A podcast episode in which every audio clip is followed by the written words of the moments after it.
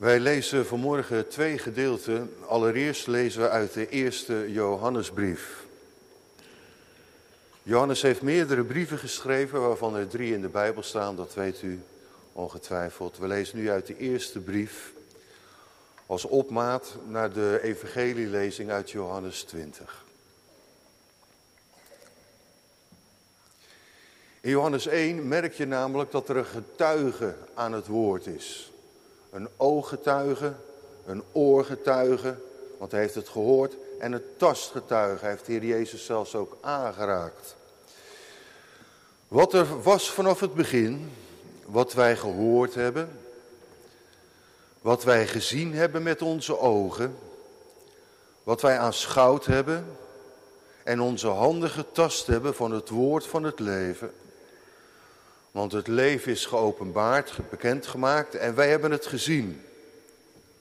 En wij getuigen en verkondigen u het eeuwige leven dat bij de Vader was en aan ons is geopenbaard. Wat wij gezien en gehoord hebben, verkondigen wij u. Opdat ook u gemeenschap met ons hebt.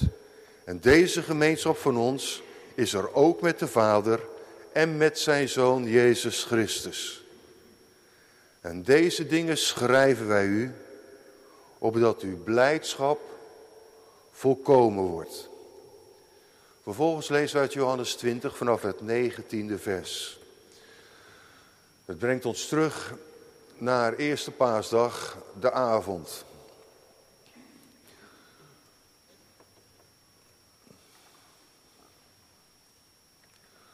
Toen het nu avond was op die eerste dag van de week en de deuren van de plaats waar de discipelen bijeen waren uit vrees voor de Joden gesloten waren, kwam Jezus. En hij stond in het midden en zei tegen hen, vrede zij u. En nadat hij dit gezegd had, liet hij hun zijn handen en zijn zij zien. De discipelen dan verblijden zich toen zij de Heere zagen. Jezus dan zei opnieuw tegen hen, vrede zij u. Zoals de Vader mij gezonden heeft, zend ik ook u. En nadat hij dit gezegd had, blies hij op hen. En zei tegen hen, ontvang de Heilige Geest. Als u iemand zonde vergeeft, worden ze hem vergeven. Als u ze hem toerekent, blijven ze hem toegerekend. En Thomas, een van de twaalf, Didymus genoemd, was niet bij hen toen Jezus daar kwam. De andere discipelen dan zeiden tegen hem, we hebben de Heere gezien. Maar hij zei tegen hen, als ik in zijn handen niet het litteken van de spijkers zie en mijn vinger niet steek in het litteken van de spijkers en mijn hand niet steek in zijn zij, zal ik beslist niet geloven. En na acht dagen waren zijn discipelen weer binnen. En Thomas was bij hen. Jezus kwam terwijl de deuren gesloten waren en hij stond in het midden en zei, vrede zij u. Daarna zei hij tegen Thomas, kom hier met uw vinger en bekijk mijn handen. En kom hier met uw hand en steek die in mijn zij. En wees niet ongelovig, maar gelovig. En Thomas antwoordde en zei tegen hem, mijn Heer en mijn God. Jezus zei tegen hem, omdat u mij gezien hebt, Thomas, hebt u geloofd. Zalig zijn zij die niet gezien zullen hebben en toch zullen geloven. Jezus nu heeft in aanwezigheid van zijn discipelen nog wel veel andere tekenen gedaan die niet beschreven zijn in dit boek. Maar deze zijn beschreven opdat u gelooft dat Jezus de Christus is, de Zoon van God, en opdat u door te geloven het leven zult hebben in zijn naam. Zalig die het woord van God horen en het bewaren in hun hart. Gemeente van onze Heer Jezus Christus. Het is alweer twee weken geleden dat we als gemeente van Jezus Christus het paasfeest vieren. En ik weet niet hoe dat, nou ja, ik kan me er een voorstelling van maken hoe dat hier gegaan is, maar wij begonnen de dienst met het zingen van Christus onze Heer verreest en daar juicht een toon, daar klinkt de stem die galmt door gans Jeruzalem. Maar op die eerste paasdag in Jeruzalem valt het eigenlijk wel een beetje mee met dat halleluja zingen. Of tegen. Er galmt er eigenlijk heel weinig door Jeruzalem heen. In Lucas 24 lezen we dat de discipelen het verhaal van de vrouwen dat Jezus is opgestaan uit de doden afdoen als kletspraat. Lucas schrijft, en hun woorden, dat zijn de woorden van de vrouwen, en hun woorden leken een kletspraat en zij geloofden hen niet. Vanmorgen zijn we dankzij het evangelie zoals beschreven door Johannes op die eerste paasdag bij de discipelen. En van een halleluja-stemming is bij die discipelen helemaal niets te merken. De discipelen. De mannen die alle kanten opstoven toen Jezus gevangen werd genomen. Nou ja, Johannes volgde nog en keek van een afstand en schreef het voorhoor van Annas en Caiaphas. En Petrus stond zijn handen nog te warmen bij een vuur.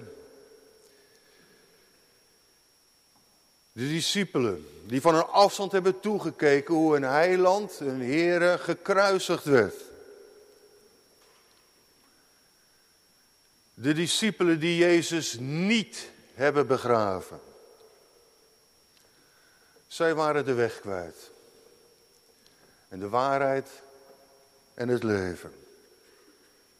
Deze discipelen, deze volgelingen zijn nu vanuit allerlei schuilplekken naar één zaaltje, één plaats samengekomen.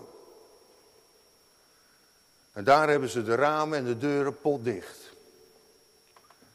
Ze vieren geen Pasen, al zijn ze ongetwijfeld vanwege het bericht van de vrouwen wel samen. Je zou kunnen zeggen, de paasboodschap van de opgestaande Heer heeft hen op deze zondagavond bij elkaar gebracht. En de groep is bijna compleet, net als vroeger. Nou ja, bijna. Judas is er niet meer bij. En ook Thomas laat het afweten. Waarom? Ja, dat wordt niet vermeld. Had hij geen zin? Dacht hij op zondagavond naar de kerk, doe normaal, die zondagavond is voor mezelf. Dan hoef ik geen broeders te zien en al helemaal geen zusters. Of dacht hij, vrouwen, die vrouwenkletspraat. Vrouwen zijn altijd een beetje emotioneel, wat gevoelig. Ze doen het maar zonder mij. We weten het niet, wat weten we wel? Nou ja, in ieder geval dat Thomas mij een nuchtere jongen lijkt. Als Lazarus gestorven is en Jezus zegt, laten we naar Judea gaan, dan antwoorden de discipelen, Rabbi, de Joden hebben u onlangs nog geprobeerd te stenigen en u gaat er weer heen. Anders gezegd, heren, dat lijkt ons niet wijs dat u weer daar naartoe gaat. Het zou u dood kunnen worden. Maar als Jezus dan toch gaat, is het Thomas die zegt, laten wij ook gaan om met hem te sterven. En bij het laatste avondmaal, als Jezus spreekt over het huis van zijn vader en het maken van plaats daar, en zegt, en waar ik heen ga, weet u, en de weg weet u. Dan is het Thomas die zegt, heren, wij weten niet waar u heen gaat en hoe kunnen wij de weg weten? Kortom, Thomas lijkt mij een nuchtere jongen. Geen dromer of luchtfietser. Nee, iemand die graag met twee benen op de grond staat. Goed. Zoals gezegd, de paasboodschap van de opgestaande Heer heeft de discipelen op deze zondagavond bij elkaar gebracht. En daar zitten ze dan. Ramen, deuren dicht. Niet echt een open missionaire gemeente. Een focustraject hadden ze daar natuurlijk ook nog niet gevolgd. Maar ze zijn verward, onzeker en angstig. En als je nu aan hen zou vragen, hoe word je of blijf je nu een leesbare brief? Aan hen zou vragen, hoe maak je mensen nieuw nieuwsgierig? Aan hen zou vragen, hoe blijf je nu behulpzaam? Hoe leef je? Wat zouden de discipelen dan antwoorden, denk je? Maar plotseling gebeurt het. Plotseling staat Jezus daar in het midden van hen. Zoals een grafsteen hem niet tegen kan houden, zo kunnen gesloten deuren dat ook niet. En zo staat Jezus daar plotseling in hun midden. De zaakjes, ik dacht dat is toch een geweldige, bemoedigende boodschap, dacht ik zo. Plotseling staat Jezus daar. En het eerste wat hij zegt tegen zijn discipelen is, wat denkt u? Nou discipelen, dat viel me wel tegen. Dat jullie me zo alleen hebben laten leiden op dat laatste moment. Nee. Nou discipelen, dat viel me wel tegen. Dat jullie die mensen de mond niet snoerden die bij dat kruis stonden en riepen, nou ander heeft hij verlost, zichzelf kon hij niet verlossen. Waarom snoerden jullie hen de mond niet? Nee. Nou discipelen, hoe kan dat nou? Ik heb toch gezegd dat ik op zou staan, nou zeggen de vrouwen dat tegen jullie en jullie geloven die vrouwen niet, hoe kan dat? Nee. Weet je wat Jezus zegt? Shalom. Vrede zij u. Het eerste wat Jezus tegen zijn discipelen zegt is dus vrede zij u. Shalom. Geen verwijten, geen niks, maar alleen zijn liefde. En hij laat zijn hand zien, zijn handen zien en hij toont zijn zij. Vrede zij u. Nog een tweede keer laat hij, zegt hij tegen zijn discipelen, vrede zij u. Waarom een tweede keer? Is dat omdat het slechte luisteraars zijn? Of is dat omdat ze het niet alleen moeten zien, maar het ook moeten horen? De oren moeten echt open gaan. Vrede zij u, zegt hij. En hij laat zijn hand zien. Niet om ze nog een draai om de oren te geven om de les te lezen. Maar als overwinning steken. Ik ben echt degene die gekruisigd is. Ik ben de gekruisigde. En hij laat zijn zij zien. Ik ben echt degene die doorstoken is. Zie, ik leef. Zul je dat nooit vergeten? Ik leef. En als hij dat gezegd heeft, nog een keer, blaast hij. Mijn vrede geef ik u. Als een voorbode hiervan Pinksteren. Vrede zij u. Shalom. Ik geef u mijn vrede. Mijn vrede geef ik u en ik blaas u de geest eigenlijk al te binnen. Als voorloper van Pinksteren. De discipelen zijn direct blij direct verheugd. En de angst bij hen slaat direct om, dus ook in vreugde. Had Jezus het zelf ook niet gezegd dat hij zijn vreugde aan hen zou geven? Had Jezus het niet gezegd dat ze ook blij zouden zijn? Wel verdrukking zouden lijden, maar dat hun blijdschap zijn blijdschap in hen zou zijn. En nu is het dan zover. Vreugde, vrede. Ze kunnen hun geluk niet op. En Jezus zegt hen al toe, bevestigt hen in hun missionaire arbeid, wat ze straks zullen gaan doen. Dat ze, als ze de geest zullen ontvangen en, en zullen gaan de wereld in. Dat als zij de zonden zullen vergeven, die vergeven zullen zijn. En als ze dat niet zullen doen, dat ze dat dan niet gebeuren zal. Maar je kan er hier al in zien, een voorbode van het grote Pinksterfeest. Vanavond gaat de preek erover, dus ik zeg er niet te veel over. Nou is er eentje niet bij. En dat is Thomas. En denk je, dat is ook jammer. Nou is Thomas er niet bij. En terwijl het nou juist zo vreugdevolle bijeenkomst is. Jezus staat in het midden. Ze waren bedroefd. En plotseling slaat die droefheid om tot vreugde. En je denkt, nou Jezus is daar. Nu is het eindelijk voor hen ook paas. Ook zij kunnen zeggen, wij hebben de Heer gezien. Maar eentje is er niet bij en dat is Thomas. Als kind vond ik dat altijd heel erg verdrietig voor die Thomas. Dat ik dacht, ben je er één keertje niet en er gebeurt er wat. Zoiets. Nou ja, gebeurt er wat? Gebeurt er alles. Wat dat betreft kan je dus op zondag wat dat betreft geen dienststuk missen. Maar er gebeurt wat. En Thomas is er niet bij. Maar Thomas is wel een nuchtere jongen. En die zegt van, ja, jullie kunnen dat allemaal nou wel zeggen. En jullie kunnen wel zeggen dat jullie de Heer hebben gezien. Maar, maar, maar ik geloof er niks van. Pas als ik mijn vinger in, in, in de wonden kan steken. En mijn hand in zijn zij, dat moet dus een hele grote wond geweest zijn. En mijn hand in mijn zij kan steken. Pas dan zal ik geloven dat hij daadwerkelijk echt is opgestaan. Eerder niet. Ik wil bewijs zien. Als ik het niet ziet, dan geloof ik het niet. Ik zei al als kind, vond ik dat heel verdrietig van die Thomas. Toen dacht je, Thomas, geloof het nou, het is echt waar. Het is echt waar. De meester had het dan net verteld. Het is echt waar. Jezus leeft. Geloof het nou, geloof het nou. Maar nu ik ouder ben geworden, snap ik wel dat het zo ook niet werkt. U ook wel, hè? Ouder geworden ga je Thomas herkennen in heel veel mensen. Misschien doet u dat ook wel, misschien ook wel een beetje in uzelf. Of zeg je zelf geloof ik in de opgestane Heer. Je gaat trouw naar de kerk, je, gaat, uh, je leest je Bijbel elke dag en je bidt en in je leven probeer je de Heer overal bij te betrekken.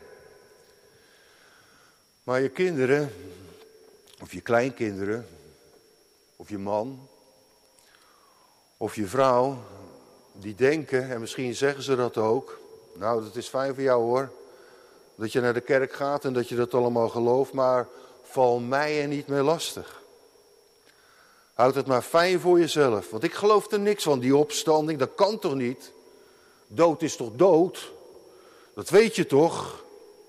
En dat hele geloof, is dat niet allemaal bedrog, luchtfietserij, zoiets? Misschien herkent iemand dat wel vandaag twee weken geleden al die paasliederen worden gezongen. Je denkt van, nou ja, iedereen doet wel blij. En kinderen zingen wel blij, blij, mijn hartje is zo blij. Maar dat hartje van mij, nou ja, zo vol van vreugde, dat valt eigenlijk allemaal wel een beetje tegen. En dat je denkt dat christelijk geloof, is dat allemaal wel waar? Ja, dan lijkt Thomas toch wel een voordeel te hebben ten opzichte van u. Of van ons. Waarom? Nou ja, lees maar mee, vers 26. Na acht dagen. Het lijkt wel alsof alles zich herhaalt. Het is ook elke zondag hetzelfde. Altijd hetzelfde. Maar gelukkig is Thomas er nu wel bij. Jezus heeft hem de afgelopen week niet vereerd met een persoonlijk bezoekje. Dat hij zei, ik moet eens even apart met Thomas langs. Hij Thomas, wij moeten even met elkaar praten. Nee. Jezus komt daar waar de gemeente samenkomt.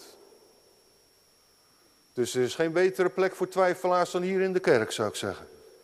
Want daar komt Jezus in het midden. Weer komt Jezus door gesloten deuren heen. Die deuren zaten dus nog steeds op slot. Weer komt Jezus door de gesloten deuren heen. En weer zegt hij, Shalom. Vrede zij u. En Thomas ziet hem met zijn eigen ogen. Jezus, de doorstokene, de gekruisigde, de opgestane Heer. En Thomas hoort het met zijn eigen oren. Wat? Shalom, vrede zij u. Thomas kon zien Thomas kan aanraken. Thomas kan horen naar wat Jezus zegt. En wat zegt Jezus? Nou, dus allereerst vrede zij u. Heeft u er zich wel eens over verbaasd? Misschien moet u aan het begin van de dienst altijd nog een beetje wakker worden. Dat je denkt, oh, dan gaan we, zo beginnen we al, zoiets. Maar dat u elke zondag ook begroet wordt met genade en vrede. Dat er in de afgelopen jaren nog geen dominee is geweest die zei niet, ik begin niet met genade en vrede. Eerst zitten allemaal en luisteren. Want wat je van de week geflikt hebt, dat doe je me niet meer. Zitten, luisteren, mond dicht. En nu zal ik. Nee, dat gebeurt niet op zondag. Waarom niet? Omdat Jezus ook begroet met genade, shalom en vrede. Daarom. En wat zegt Jezus tegen Thomas? Pats, Thomas, ongelovig het? Nee. Hij zegt, kom hier. Kom hier met uw vinger. En bekijk mijn handen. Kom hier met uw hand. En steek die maar in mijn zij. En wees niet gelovig, maar gelovig. Niet ongelovig, maar gelovig. Zo roept Jezus door zijn woorden op tot geloof. Tot gelovige overgave. En dan gaat Thomas door de knieën. En hij beleidt volgens mij zonder zijn vinger in de gaten te steken, zonder zijn hand in de zij te steken, mijn Heere en mijn God. Dat is Psalm 35. Maar hij beleidt mijn Heere en mijn God. En nu zeggen dus alle discipelen, alle apostelen, wij hebben de Heere gezien. En dat is nou het fundament van de kerk. Ooggetuigen, oorgetuigen. Vandaar, vandaar ook wat we lazen uit 1 Johannes 1. Maar wat is nou het verschil met u? Wat is nou het verschil met ons? Wat is nou het verschil tussen de discipelen en wij? Nou, dat zij daadwerkelijk met hun eigen ogen gezien hebben. Dat zij daadwerkelijk gehoord hebben met hun eigen oren. Dat zij de Heer Jezus daadwerkelijk aan hebben kunnen raken. Daarom zegt Jezus, Heer, omdat u mij gezien hebt, Thomas, hebt u geloof. Maar zalig zijn degenen die niet gezien zullen hebben en toch zullen geloven. En dat zegt Jezus dus over u, over jou, over mij en over ons. Zalig die niet zullen gezien hebben met hun eigen ogen, maar toch zullen geloven. Al in de hof van Gethsemane heeft Jezus gebeden voor jou en voor u. Ik bid u niet alleen voor deze, maar ook die door hun woorden tot het geloof zullen komen. Dat wat Hij voor ons. Vandaag is het zondag. Het is de opstandingsdag. Vandaag is Jezus naar zijn belofte in ons midden. Vandaag zijn we begroet met genade en vrede. Opdat we het zullen geloven en met hem zullen leven. Vraag het straks eens bij de koffie aan elkaar. Hoe ben je tot het geloof gekomen? Voor je dat met vreemden bespreekt, onbekenden, is dat goed ook eens om met broeders en zusters te bespreken. Hoe ben je nou tot het geloof gekomen? Is dat niet zoals Paulus het schrijft, het geloof is uit het gehoor, omdat het evangelie je verteld is en op een gegeven moment viel dat evangelie kwam in je hart en het kwam toch tot overgave aan hem dat je dacht, de Heer Jezus, die wil ik dienen. Hoe ben je tot het geloof gekomen? Zou het ook niet zijn dat iemand zou zeggen, omdat ik een biddende vader had? Of dat ik een biddende moeder had die voor mij bad. Heer, wilt u ook in zijn hart werken of in haar hart werken? Dat ze ook veel van u zal houden. Hoe ben je tot het geloof gekomen? Tussen hemelvaart en Pinksteren is er een actie, Thy Kingdom Come. Dat is dan Engels voor uw koninkrijk komen, of uw koninkrijk komt. Om te bidden voor mensen in je eigen omgeving die je kent. Misschien wel een familielid, een broer of een zus. Of je achterkleinkind of, of wie dan ook. Om te bidden tien dagen lang bewust voor iemand in je omgeving dat hij de Heer Jezus mag leren kennen. Niet met de gedachte, als je tien dagen gebeden hebt, dan zal die wel direct helemaal tot bekering komen en hier vooraan in de kerk zitten. Al kan je nooit wat uitsluiten. Maar zo natuurlijk niet, want ik dacht, zo'n actie is mooi dat het gevoerd wordt, maar ik ken ook heel wat mensen die al jarenlang bidden voor een kind of voor een kleinkind. En soms helemaal geen resultaat zien. Maar toch doorbidden. Ik moest ook denken aan Monica, die geschiedenis kent u wel. De moeder van Augustinus, dus een kerkvader. als je hem niet kent, dan kent u hem nu. Toen zij haar hart luchtte bij een bisschop, omdat Augustinus maar niet wilde luisteren en tot, niet tot het geloof kwam en zijn eigen weg ging, en dat was niet echt een bepaalde goede weg. En moeder huilend bij die bisschop zat te klagen, zei die bisschop, een zoon van zoveel tranen kan niet verloren gaan. Ik weet niet of ik dat de bisschop zo na zou zeggen, maar hij kreeg uiteindelijk wel gelijk. En hoeveel zegen is Augustinus ook niet voor de kerk geweest. Later zal hij zeggen, gij waart bij mij, maar ik was niet bij u. Hoe ben je tot het geloof gekomen? Straks eens met elkaar erover praten, al is dat misschien ook een beetje eng. Nog zo'n vraag. Hoe komt het dat je van de Heer Jezus houdt? Zonder hem ooit gezien te hebben. We begonnen er de dienst mee. Ik ga natuurlijk niet over u antwoorden. Maar is het niet omdat je ontdekte hoe groot zijn liefde voor jou is? Hoeveel hij van jou houdt? En dat je wat dat betreft eigenlijk net als Thomas ook de wonden in de handen en in de zij ook ziet. En dat hij zegt, zoveel hou ik dus van jou. Dat ik dat ervoor over had. Kijk maar. Tussen aanhalingstekens, voel maar. Jezus is de levende. Zult u dat nooit, nooit, nooit vergeten? Ook niet als je op een kerkhof bent en je denkt, nu is het klaar. Maar dat je dan bedenkt, één graf is al open, Jezus is er al uit en straks zullen al de zijnen volgen. Jezus is de levende. Juist daarom kun je hem ook aanroepen. En de levende zegt, bid en u zal gegeven worden. Zoekt en u zult vinden. Klopt en er zal voor u open gedaan worden. Want een ieder die bidt, die ontvangt. Wie zoekt, die vindt. En voor wie klopt zal open gedaan worden. Sterker nog, de levende staat vanmorgen aan de deur van uw hart te kloppen. Bij ons allemaal. Ook bij u. Ja, ook bij u. En hij zegt, zie ik sta aan de deur. En ik klop. Opdat wij onze knieën zouden buigen. En zouden beleiden. Mijn Heere en mijn God. Amen.